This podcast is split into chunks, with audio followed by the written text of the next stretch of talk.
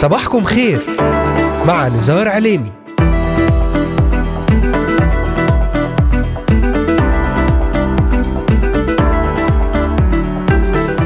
السادس من شهر يونيو حزيران للعام 2023 المستمعات والمستمعون صباح الخير.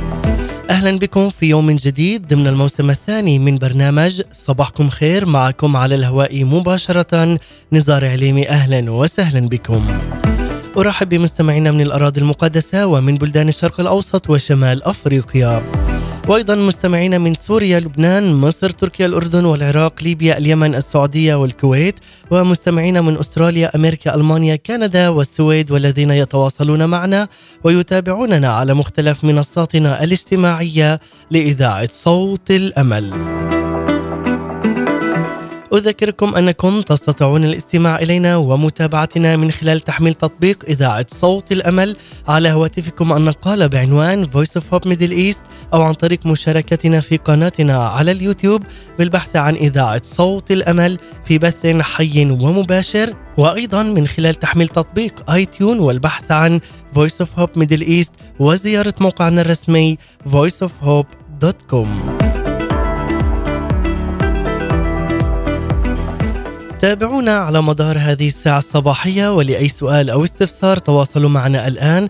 وللتنويه تستطيعون الاستماع والعودة إلى جميع حلقات برنامج صباحكم خير وذلك من خلال متابعتنا على محرك البحث إذاعة صوت الأمل في كل من تطبيقات Spotify Deezer Amazon Music Apple Podcast و Pocket Casts Podvine Podcast وستجدون جميع هذه الحلقات وغيرها من البرامج الخاصة لإذاعة صوت الأمل على هذه المنصات الاجتماعية. المختلفة. كما وأذكركم أن هذه الحلقة تعاد في تمام الساعة الثانية ظهرا بتوقيت القدس. والآن نبدأ معكم حلقة جديدة في هذا اليوم ضمن برنامج صباحكم خير. أهلا وسهلا بجميع الذين انضموا الآن إلينا لبرنامج صباحكم خير عبر أثير إذاعة صوت الأمل.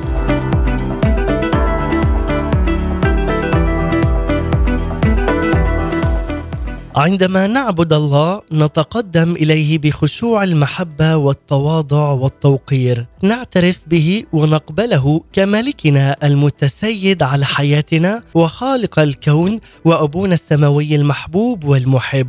نحترمه ونوقره. نخضع أنفسنا له بالكامل. نرفع قلوبنا له في صلاة قوية من خلال العبادة الروحية الحرة لنعتز بكلماته ونبتهج في نعمته. كما تقتضي الشريعة أيضا أن العبادة لله وحده وتحر أيضا هنا بشدة أي وضع من أوضاع العبادة لأي كائن يمكن اعتباره منافسا لله كالأصنام أو الآلهة الغريبة. وقد أكد يسوع المسيح على ذلك بإجابته لإبليس المجرب للرب إلهك تسجد وإياه وحده تعبد. وتعبر أيضا العبادة عن ردود الفعل المتعددة للإنسان لقربه من الله وهي مزيج من وعيه بضعفه وخطيئته من ناحية ومن احترام مشبع بالرهبة والقداسة وذلك بالتسبيح الذي يغمر كيان الإنسان كله من ناحية أخرى. وبما أن رد فعل الانسان يغمر كيان الإنسان كله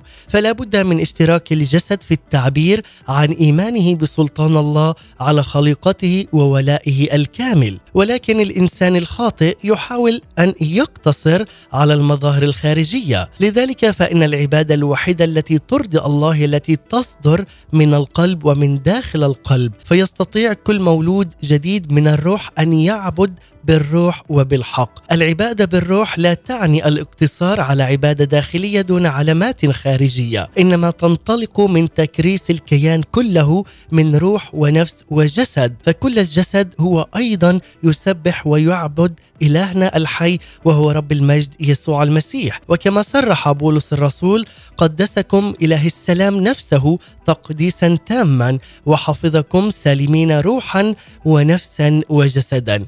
وهكذا وهكذا أيضا العبادة في المسيحية. لا ترتبط بأي مكان ولا حتى أي زمان ولا بأجناس بل الكل يسجد ويسبح للملك الملوك ورب الأرباب يسوع المسيح. من خلال إيمانهم بابنه يسوع وقوة الروح القدس الذي حل فيهم لقيادتهم في العبادة الروحية وليطلقوا فعلا إعلانات مباركة على حياتهم على الكنائس وأيضا على حياة الآخرين.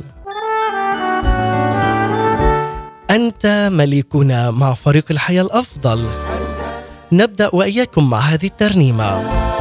بعد هذه المقدمة لكم أحبائي المستمعين والمتابعين. تعال ورنم واعلن هو ملك الملوك ورب الأرباب يسوع المسيح. لكي نتحدث في الجزء الرابع والأخير من هذه السلسلة. ادخلوا أبوابه بحمد دياره بالتسبيح. ابقوا معنا مزيد من هذه التفاصيل بعد هذه الترنيمة. حضورك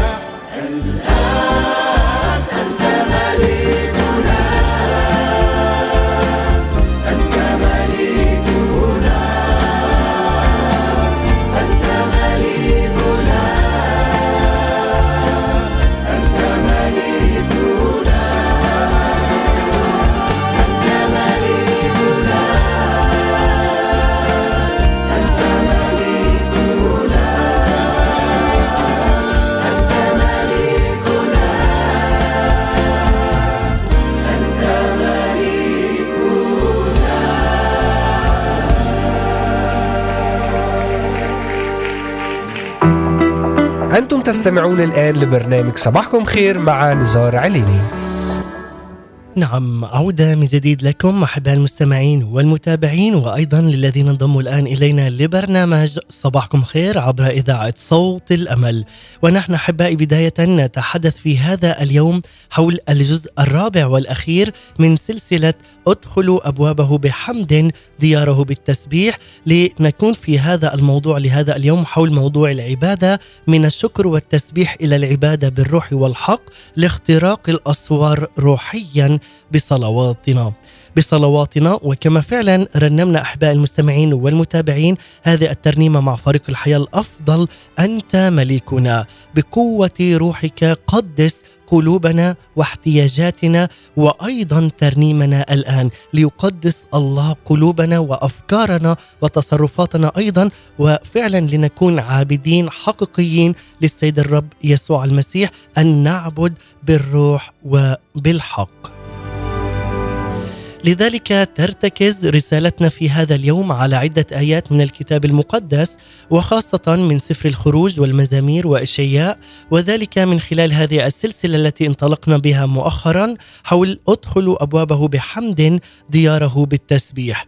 وبعد أن بدأت بجزئها الأول بعنوان أهمية تقديم الشكر للرب والاعتراف بصلاحه المستمر وفيما بعد أكملت الحديث في الجزء الثاني أيضا حول موضوع تقديم الشكر يطلق قوة الله لفعل معجزاته في حياتنا ورأينا معا ما هي دلالات الشكر في حياة كل مؤمن وخاصة في حياتنا الروحية وكيف تقربنا إلى السيد الرب يسوع المسيح بعمق واختبار جديد. كما وتحدثت أيضا أمس بالجزء الثالث حول موضوع قوة التسبيح أي في التسبيح لإلهنا تفتح الأبواب وتهدم الأسوار وتجرد الرياسات والسلاطين. وتعمقنا أكثر حول ما بعد الشكر للدخول إلى محضر الله بالترنم والتسبيح لاسمه القدوس. لذلك أحبائي لنعرف هذا الأمر جيدا. أنه بدون تقديم الشكر أولا للسيد الرب يسوع المسيح لا يمكننا أبدا الدخول إلى محضره للتمتع بالتسبيح. وأيضا رأينا مدى أهمية رفع تسابيحنا إلى عرش الله من خلال الترنيم. ولذلك أحبائي المستمعين والمتابعين تجدون هذه الحلقات جميعها بهذه السلسلة بالمنصات الاجتماعية المختلفة إن كان على Spotify Deezer وأيضا على جميع المنصات عند البحث عن إذاعة صوت الأمل أو برنامج صباحكم خير. واليوم معا نختتم هذه السلسلة بالجزء الرابع والأخير لنتحدث حول من الشكر والتسبيح إلى العبادة بالروح والحق لاختراق الأسوار روحيا بصلواتنا. آمن أن صلواتك تخترق جميع الأسوار وجميع الحدود لأنك أنت ابن ملك الملوك ورب الأرباب. وعندما أيضا نخترق جميع هذه الأسوار فيمكننا أيضا أن نسبح ونعبد بالروح وبالحق. ومن خلال هذه السلسلة أحبائي إذا بمجملها نحن نتعرف على كيفية تقديم الشكر اللائق للسيد الرب يسوع المسيح وذلك للاعتراف بصلاحه المستمر.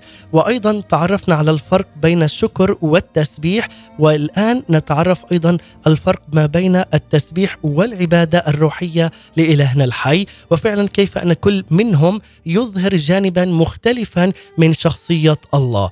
كون أن الكتاب المقدس قد أعلن لنا شيئا جديدا وهاما وهو واضحا لكي ندخل إلى محضر الله المقدس من خلال الشكر والتسبيح وذلك أيضا بالآلات الموسيقية والترنم لاسمه وصولا للعبادة الروحية الحقيقية للتمتع باستجابات السماء ومعرفة أسرار جديدة من خلال عمل الروح القدس وخضوعنا لنا. له عندما نخضع للروح القدس سنعرف أشياء جديدة ومعرفة أسرار جديدة وذلك يكون أحبائي من خلال العبادة الروحية بالروح وبالحق. لذلك نتطرق معا أحبائي لهذه المضامين الهامة من خلال برنامج صباحكم خير، ولذلك أحبائي في هذا اليوم نختتم حول موضوع العبادة وعلما أن الشكر والتسبيح هما كلام منطوق ومبارك.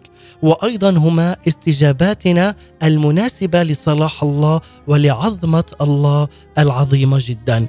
فنحن ننطق بكلمات الشكر ونرنم بالتسبيح لإلهنا الحي واحيانا أيضا نهتف مسبحين له. ولكن عدد قليل من الناس يدركون أن العبادة ليست في المقام الأول بكلمات منطوقة ولكنها اتجاه الكيان كله. وكما ذكرنا في بداية هذه السلسلة عن موضوع الشكر والتسبيح والعبادة نعتقد فعلا أن العبادة هي أعلى الممارسات التي يستطيع الإنسان القيام بها. فعندما نعبد الله نعترف بقداسته وبرحمته لحياتنا ونعرف أسرار جديدة من خلال التعمق والدخول إلى محضر الله القدوس لنأخذ أشياء جديدة ومباركة أشياء روحية لحياتنا. وأيضا يعطينا أفكار جديدة وأيضا إعلانات جديدة بقوة الروح وإرشاد الروح القدس لحياتنا ولتكون أيضا كلمات هذه للكنيسة وأيضا للآخرين. وهذا يحدث تماما أحبائي عندما نعرف إلهنا الحي معرفة شخصية ونبدأ بالشكر ومن ثم التسبيح. ولكن عندما ندخل لكي نسبح وأيضا نعبد الله بالروح والحق في وقت العبادة فهذا يكون هو التواصل الحي والحقيقي ما بينك وما بين روح الله القدوس.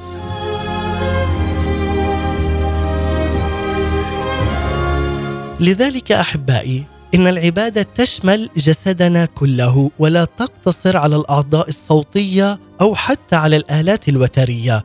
فكل كلمة استخدمت في وصف العبادة في اللغة الأصلية للكتاب المقدس سواء في اللغة العبرية التي كتب بها العهد القديم أو حتى اليونانية التي كتب بها العهد الجديد هي تصف وضعا معينا من أوضاع الجسد، لهذا فهناك أيضا أوضاع معينة ترتبط ارتباطا وثيقا بقوة العبادة. اولا انحناء الرأس، هنا هذا المثل يوضح لنا ما معنى هذا بعد مقابلة موسى مع الله في العليقة المحترقة عاد موسى إلى شيوخ شعبه في مصر بخبر أن الرب سيحررهم.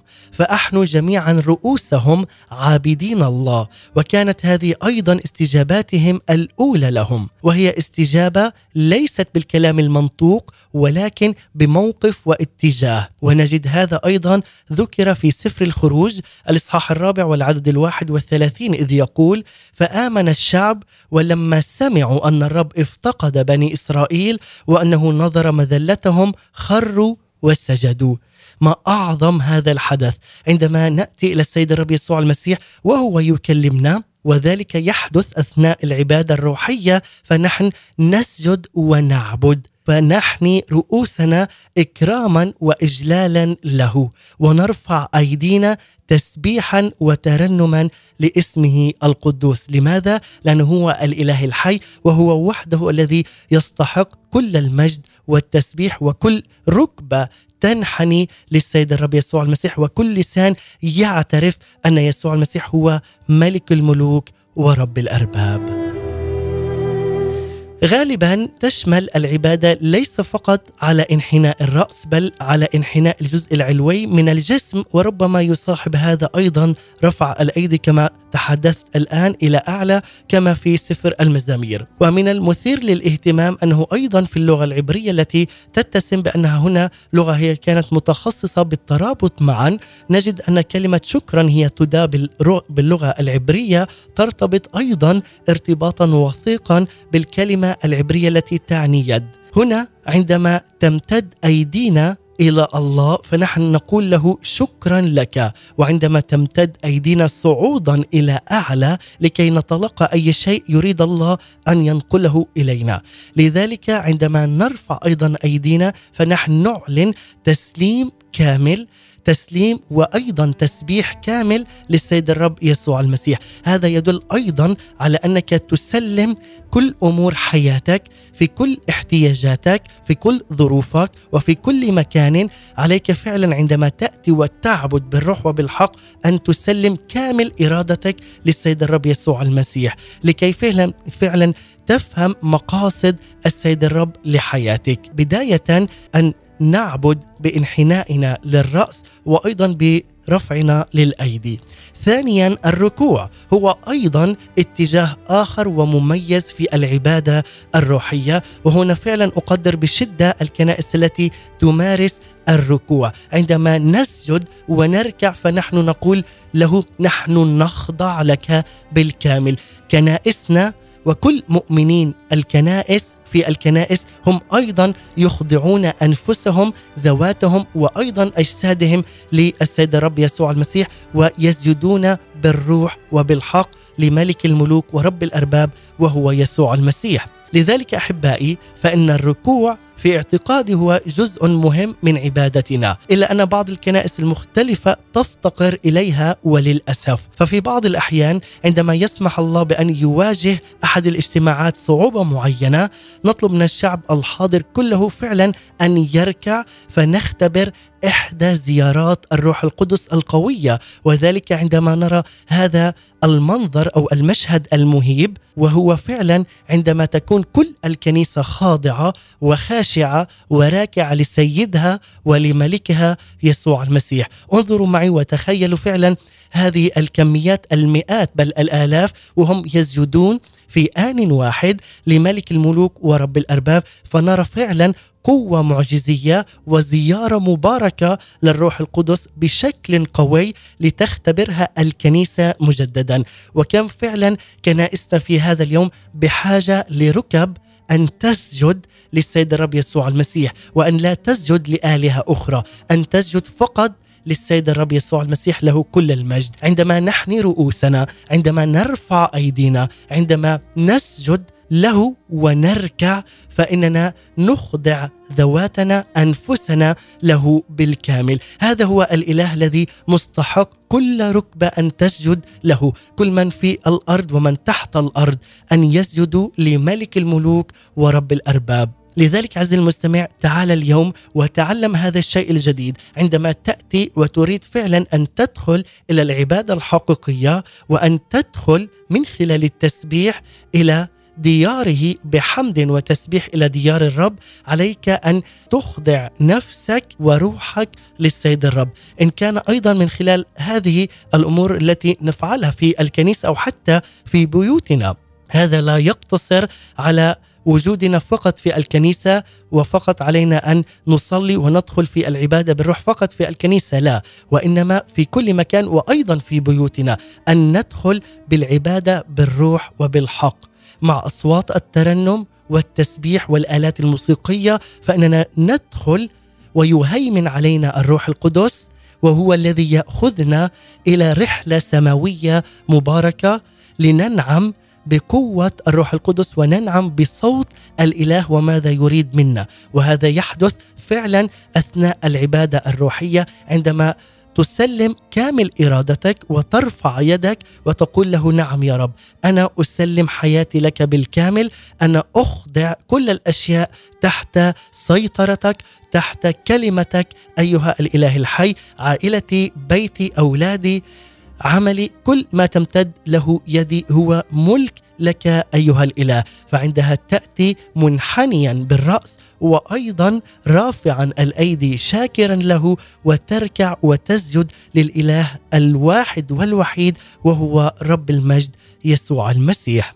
لذلك أحبائي دعونا قبل أن نكمل في هذا الموضوع الهام جدا في حياتنا الروحية والعبادة الروحية أن نستمع إلى هذه الترنيمة الرائعة ترنيمة وأعبدك مع المرنم مودي محروس والمرنمة سوزي سعيد. ترنيمة جدا رائعة ترنيمة وأعبدك وما أحلى حضورك. تعال وتمتع بحضور الله في حياتك. تعال وصلي أيضا لتكون كنائسنا كنائس روحية كنائس نارية ولا تكون كنائس روتينية. ولذلك عليك فعلا أن تصلي بقوة الروح وأن ترفع وتمد يدك وتشكر الإله الحي وتعلن أن فعلا من خلال سجودك من خلال ركوعك من خلال انحناء لرأسك ومن خلال رفع أيديك للسيد الرب يسوع المسيح أن كل طلبة تستجاب بقوة واسم الروح القدس بقوة واسم وسلطان الروح القدس له كل المجد. دعونا نرنم هذه الترنيمة ومن ثم نعود لنكمل. سألت منك أن أسكن في هيكل قدسك. واحدة سألت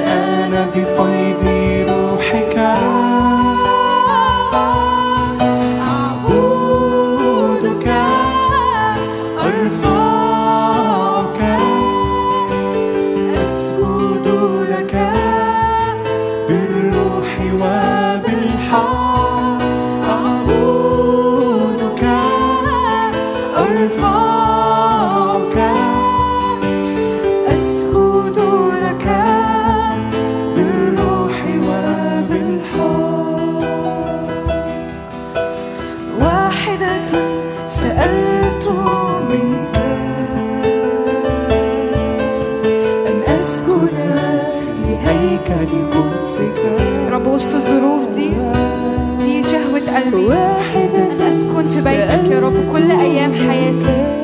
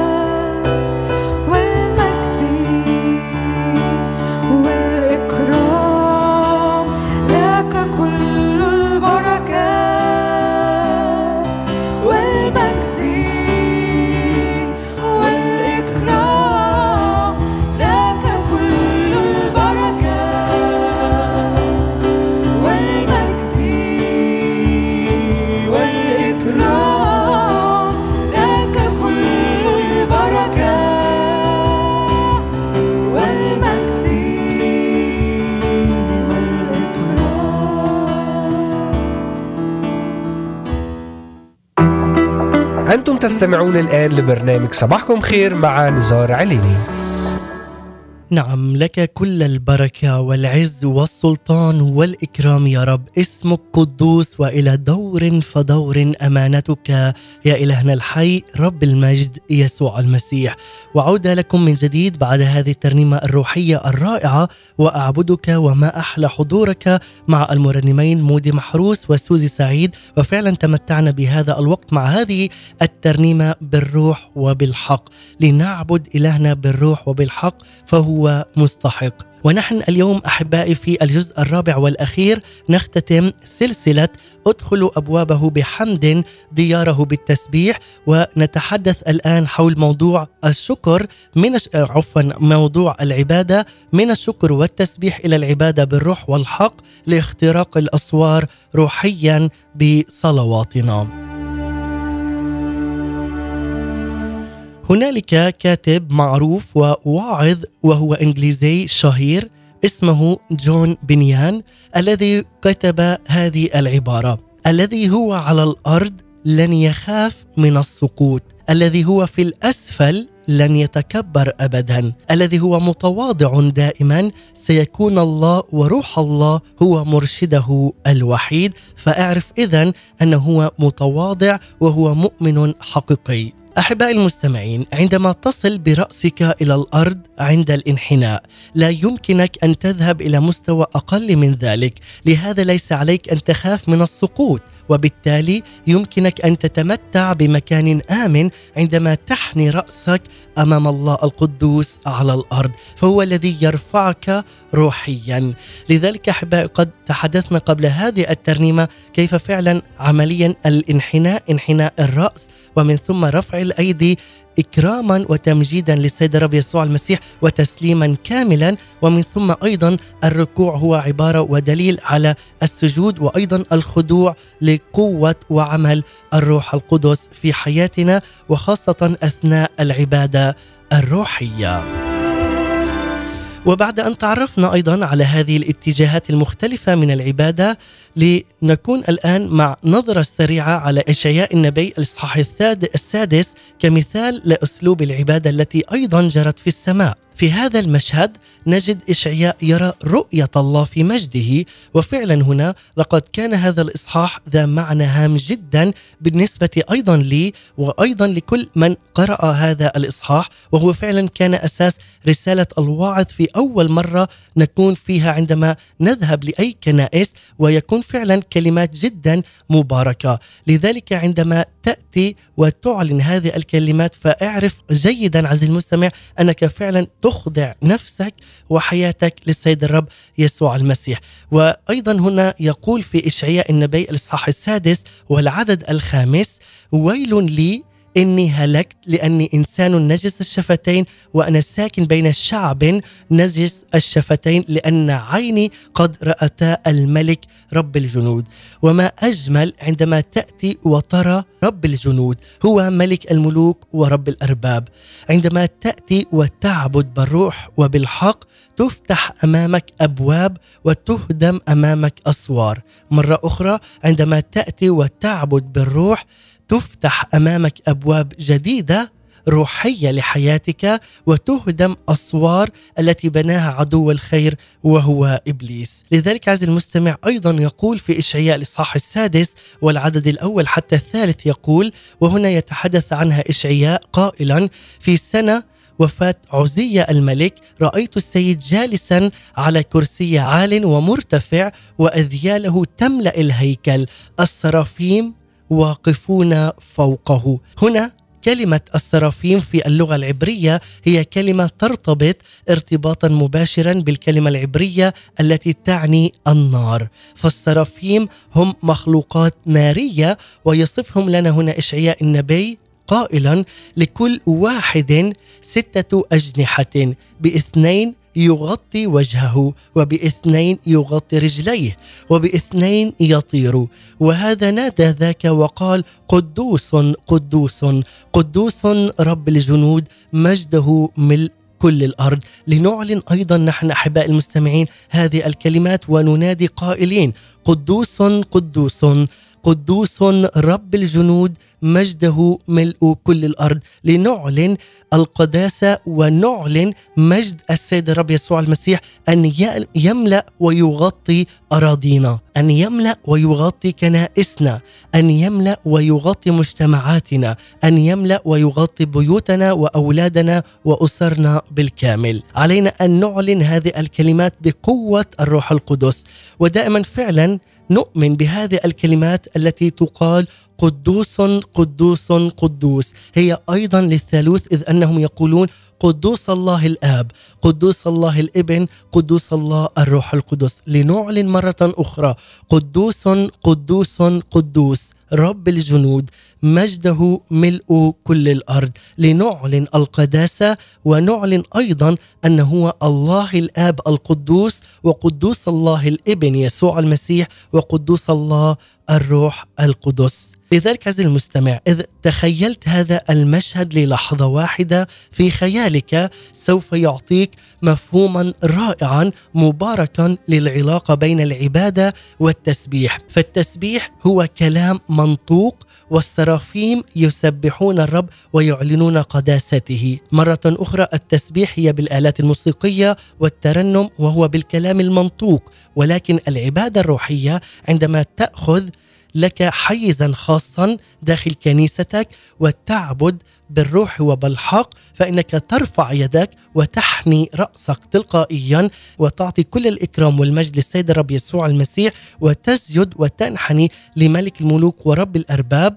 وفيما بعد سوف تأخذ إعلانات مباركة جدا لحياتك ولحياة الآخرين أيضا وهي تكون فعلا إعلانات جدا هامة أيضا لك ولكنيستك ويعلنها لك الروح القدس ويعرفك على أسرار جديدة وروحية من الله الآب عن طريق الروح القدس و تكون لك أنت خصيصا عز المستمع، هذا فعلا يكون في وقت العبادة الحرة، العبادة التي هي بلا أي قيود، ولذلك أن تأتي بكامل إرادتك وبكامل حريتك أن ترفع يدك وتسبح وتعبد إلهك الحي لأنه هو مستحق كل العبادة والتسبيح. وكما قلنا هنا أيضا أن السرافيم يسبحون الرب ويعلنون قداسته وأنت كذلك تعلن وتسبح قداسة السيد الرب يسوع المسيح في التسبيح وهو من خلال الكلام المنطوق. وهنا إشعياء النبي لم يلاحظ ابدا في البداية أن السرافيم يسبحون الله بل لاحظ اتجاه عبادتهم. فهؤلاء السرافيم يقول عنهم لكل واحد ستة أجنحة باثنين يغطي وجهه وباثنين يغطي رجليه. هذه أيضا العبادة التي فعلا تأتي ويقول لنا أن هذه عبارة عن القداسة أيضا الجسدية وهي عبارة عن الخشوع الكامل أمام الله. والسرافيم أيضا يقول عنها باثنين يطير. فإذا اعتبرت فعلا أن هنا عز المستمع أنك تستطيع فعلا أن تعبر عن محبتك الكاملة للسيد الرب يسوع المسيح وخشوعك الكامل تعال اليوم وابدأ بالعبادة الحقيقية. للسيد الرب يسوع المسيح. هذا هو الإله المستحق أن نعبد وأيضا نكرز باسمه في كل المسكونة. هو الإله الحي. هذا هو إلهنا وهذا هو أيضا سيدنا وملكنا إلى الأبد. هذا هو ملك الملوك ورب الأرباب. تعال اليوم وتعلم شيئا جديدا وخاصا لك أن تعبد بالروح وبالحق.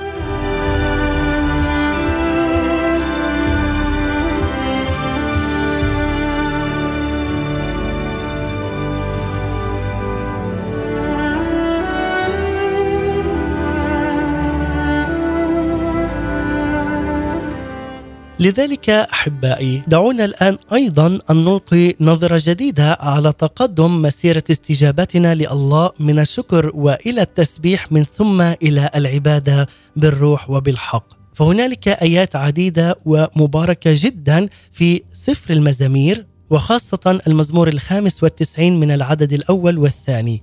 هنا تشرح لنا كيفية هذا التقدم الروحي فأول آيتين من هذا المز- المزمور تصف لنا التسبيح أيضا بصوت عالي والتسبيح بهتاف أي بصوت أعلى بكثير مما تسمع في بعض الكنائس. فيقول هلم نرنم للرب نهتف لصخرة خلاصنا. الهتاف هنا أيضا ليس هو الترنيم بصوت عال ولكنه يعني التسبيح بهتاف وكل التمجيد يعود للسيد الرب يسوع المسيح. لذلك نتقدم أمامه بحمد وبترنيمات نهتف له. لنلاحظ هنا أيضا مرة أخرى أننا عندما نريد أن ندخل إلى محضر السيد الرب نتقدم أمامه بحمد وبترنيمات نهتف له. عملية الدخول تبدأ بالشكر ومن ثم الترنيم والتسبيح والحمد للسيد الرب يسوع المسيح لكي تدخل إلى العمق أكثر وهي العبادة الروحية. الشكر هنا بحمد والتسبيح نهتف لملك الملوك ورب الأرباب يسوع المسيح. لكي تدخل فعلا إلى محضر الله. وهنالك فعلا أسوار كما تحدثنا عنها في الجزء الثالث أمس من خلال التسبيح. تستطيع أن تدخل هذه الأسوار لكي ترى محضر الله من خلال اولا أن تدخل دياره بالتسبيح. أن تكون شاكرا ومن ثم تدخل هذه الأسوار أسوار الله المباركة لكي فعلا يقول لك الروح القدس عن أسرار الملكوت وأيضا لكي يرشدك ويفهمك حول موضوع العبادة الروحية وعندما تأتي وتعبد بالروح وبالحق.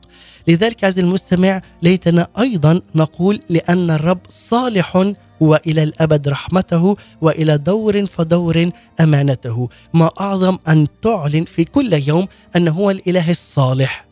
هو الإله الرحيم وهو إله الأمانة الذي لا جور فيه. لذلك يعطينا هنا أيضا الله اسبابا اضافيا لكي نقوم بالتسبيح والترنم لاسمه العظيم لأن الرب إله عظيم ملك كبير على كل الآلهة هنا استخدم أو استخدم كاتب المزمور كلمة عظيم مرتين لأن الرب إله عظيم ملك كبير على كل الآلهة هنا يقول وفقا للترجمة الإنجليزية لأن الرب إله عظيم ملك عظيم على كل الآلهة. وفي ترجمات أخرى تكون لأن الرب إله عظيم ملك كبير. أي استبدل هنا أو استبدلت كلمة كبير بكلمة عظيم. هنا ليذكرنا أننا عندما نسبح الله فإننا نعترف بعظمته الكبيرة. هذا ما نفعله فعلا أثناء التسبيح. فإنه يجب أن يكون بهتاف وبصوت عال ومن كل قلوبنا نعلي ونهتف لملك الملوك ورب الأرباب له كل المجد. ثانيا نراه أيضا هو كخالق قادر على كل شيء والذي قال عنه الذي بيده مقاصير الأرض وخزائن الجبال له الذي له البحر وهو صنعه ويداه سبكتا اليابسة.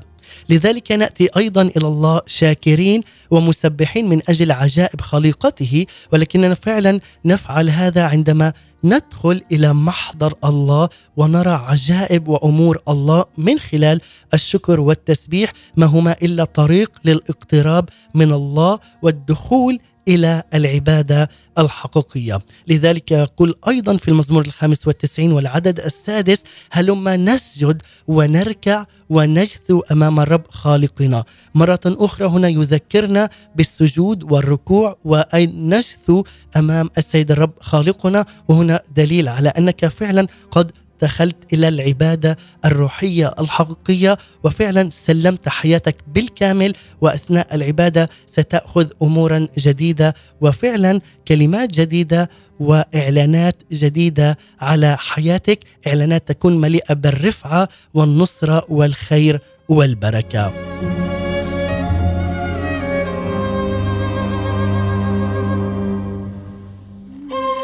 وقبل أن نختتم وإياكم دعونا أيضا أن نرنم هذه الترنيمة الرائعة ترنيمة سماوات جديدة مع فريق قصر الدبارة. وفيما بعد سنختتم وإياكم في هذا الموضوع حول العبادة الروحية. ابقوا معنا لا تذهبوا بعيدا.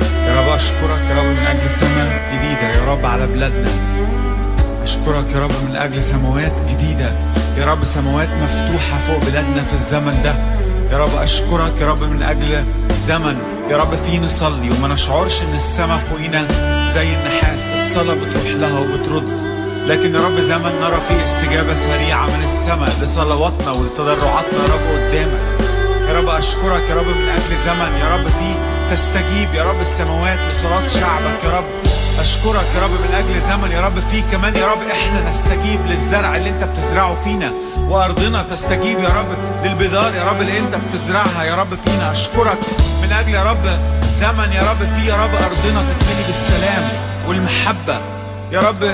زرعة الإيمان زرعة القداسة زرعة البر اللي أنت بتزرعها تنبت يا رب تنبت يا رب فينا سريعا. تستجيب يا رب حياتنا وأرضنا. يا رب وبلادنا لزرعك أنت يا رب لزرع السماء.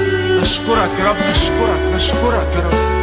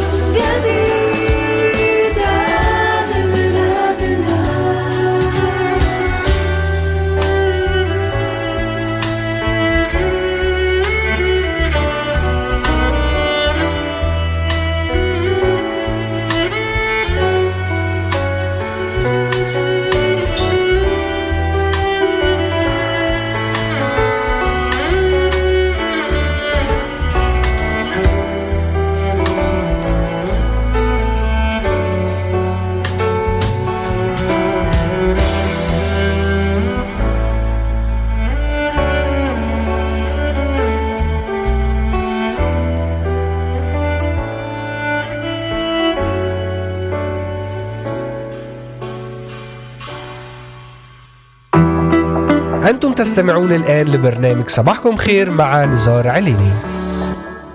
عودة من جديد لكم أحباء المستمعين والمتابعين بعد هذه الترنيمة الرائعة مع فريق قصر الدبارة سماوات جديدة وأرض جديدة. وفعلا بهذه الكلمات التي نقولها فتستجيب الأرض لزرع السماوات وتستجيب السماوات لصراخ البلاد. ونحن نتحدث أحبائي في الجزء الرابع والأخير من سلسلة ادخلوا أبوابه بحمد دياره بالتسبيح ونكون في هذا اليوم مع هذا الموضوع من الشكر والتسبيح إلى العبادة بالروح والحق لاختراق الأسوار روحيا بصلواتنا. في هذا الجزء الأخير نختتم وإياكم من هذه الآية من يوحنا الإصحاح الرابع والعدد الثالث والعشرين والرابع والعشرين إذ يقول ولكن تأتي ساعة وهي الآن حين الساجدون الحقيقيون يسجدون للآب بالروح والحق لأن الآب طالب مثل هؤلاء الساجدين له. هذا الإعلان الرائع الذي نراه إعلان مبارك جدا لكل من يسجد ويعلن بالحق بالروح وبالحق اسم يسوع المسيح. أن الله القادر على كل شيء. يطلب أولئك الذين سوف يعبدوه ولكننا فعلا يجب أن نعبده وفقا لهذه المتطلبات التي وضعها. يقول الله روح والذي يسجدون له فبالروح والحق ينبغي أن يسجدوا أن نأتي ونسجد بالروح وبالحق لملك الملوك ورب الأرباب يسوع المسيح. لذلك الإنسان فهو يتكون من ثلاثة أجزاء هي الروح والنفس والجسد. وذلك وفقا لما يقوله أيضا الكتاب المقدس أن نفوسنا تنشط جدا في الشكر والتسبيح ولكن عندما يتعلق الأمر بالعبادة الروحية نجد أن أرواحنا هي التي تكون في اتصال مباشر مع روح الله. الروح القدس هو الذي يعطينا الاتحاد المباشر مع الله، فهؤلاء الذين اختبروا الامتلاء بالروح القدس يعرفون جيدا أن الروح يغير الأسلوب الذي نعبد الله به، وفعلا عندما نخضع للروح فهو الذي أيضا يوجهنا بالامتلاء بالروح وأيضا يوجهنا في العبادة بالروح وننتقل فيما بعد إلى أبعاد جديدة ومختلفة في العبادة الروحية بالروح وبالحق. ولكن الامتلاء بالروح أيضا الروح القدس لا يجعلنا كاملين أو في مكانه أعلى من الآخرين. لذلك عزيزي المستمع كلما ارتفعت بالروح عليك أن تتضع جيدا لأن إلهك أيضا هو إله التواضع. لذلك عليك أن تعبد الله بالروح وأيضا بالحق.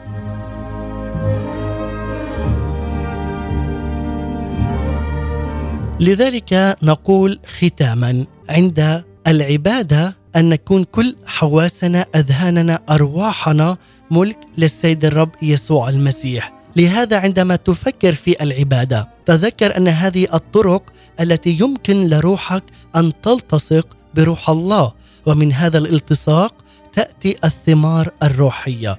كما في أيضا الأمور الجسدية فالاتحاد هنا يؤدي إلى التكاثر. اقضي وقتا طويلا في التأمل في كلمة الله وفي هذا التدريج من الشكر والتسبيح إلى العبادة بالروح وبالحق والذي ينتهي بك الالتصاق الكامل بألله القدوس لذلك كن منطلقا في شكرك وفي تسبيحك ولكن تذكر أن هذا ليس هدفا في حد ذاته ولكن الهدف هو أن تصل إلى مرحلة العبادة الحقيقية بالروح وبالحق لكي تعبد إلهك ومخلصك رب المجد يسوع المسيح له ومنه كل المجد. أحبائي المستمعين والمتابعين إلى هنا نختتم هذا الجزء الرابع والأخير من سلسلة أدخلوا أبوابه بحمد دياره بالتسبيح. وفعلا أتمنى أن أكون قد أوصلت لكم هذه الرسالة وذلك من خلال الشكر والتسبيح وصولا إلى العبادة الروحية لكي نعبد إلهنا بالروح وبالحق لكي تكون هنالك اختراقات روحية بصلواتنا بقوة وعمل وإرشاد الروح القدس. أن نأتي إلى السيد الرب يسوع المسيح خاشعين رافعين أيدينا وفعلا معلنين استسلامنا بالكامل وخضوعنا بالكامل له ولقيادة الروح القدس لكي نأخذ إعلانات جديدة أبواب جديدة تفتح في اسم يسوع المسيح وأسوار تهدم في اسم يسوع المسيح. هذه الأسوار الذي بناها عدو الخير وهو إبليس. ولذلك في العبادة الروحية فإنك تأتي إلى محضر الله الحي وفعلا تتبارك بحضوره وفعلا تكون بفيض وغنى على حياتك. من الشكر والتسبيح إلى العبادة بالروح وبالحق. إلى هنا أحبائي أختتم وإياكم ولكن ننتقل إلى الفقرة الثابتة التي تبث لكم كل يوم ثلاثاء ضمن برنامجنا صباحكم خير في موسمه الثاني وهي فقرة المزامير بصوت الأخت المباركة نداء من لبنان ونستمع بصوتها المزمور الخامس عشر. لنستمع إلى هذا المزمور ونختتم فيما بعد أحباء المستمعين بترنيمة جدا رائعة مع المرنمة منال سمير. ابقوا معنا. المزمور الخامس عشر. يا رب من يجاور مسكنك ومن يسكن في جبلك المقدس هو الذي يسلك بنزاهة ويصدق في جميع أعماله يتكلم بالحق في قلبه ولا دجل على لسانه لا يسيء إلى أحد بشيء ولا يجلب العار على قريبه. النمام محتقر في عينيه ويكرم من يخاف الرب. يحلف ولا يخلف ولو تضرر. لا يعطي ماله بالربا ولا يقبل الرشوة على البريء. من يعمل بهذا كله لا يتزعزع ابدا.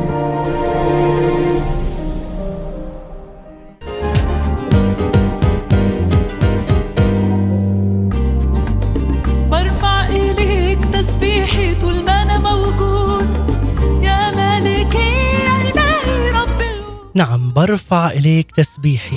مع المرنمة منال سمير نختتم وإياكم بهذه الترنيمة الرائعة والمباركة.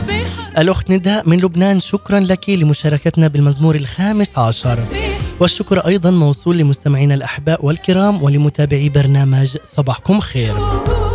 وإلى هنا نختتم وإياكم أحبائي هذه السلسلة التي تحدثنا بها عن موضوع الشكر والتسبيح والعبادة بالروح وبالحق. هذه تحيتي لكم مني أنا نزار عليمي، سلام المسيح إلى اللقاء.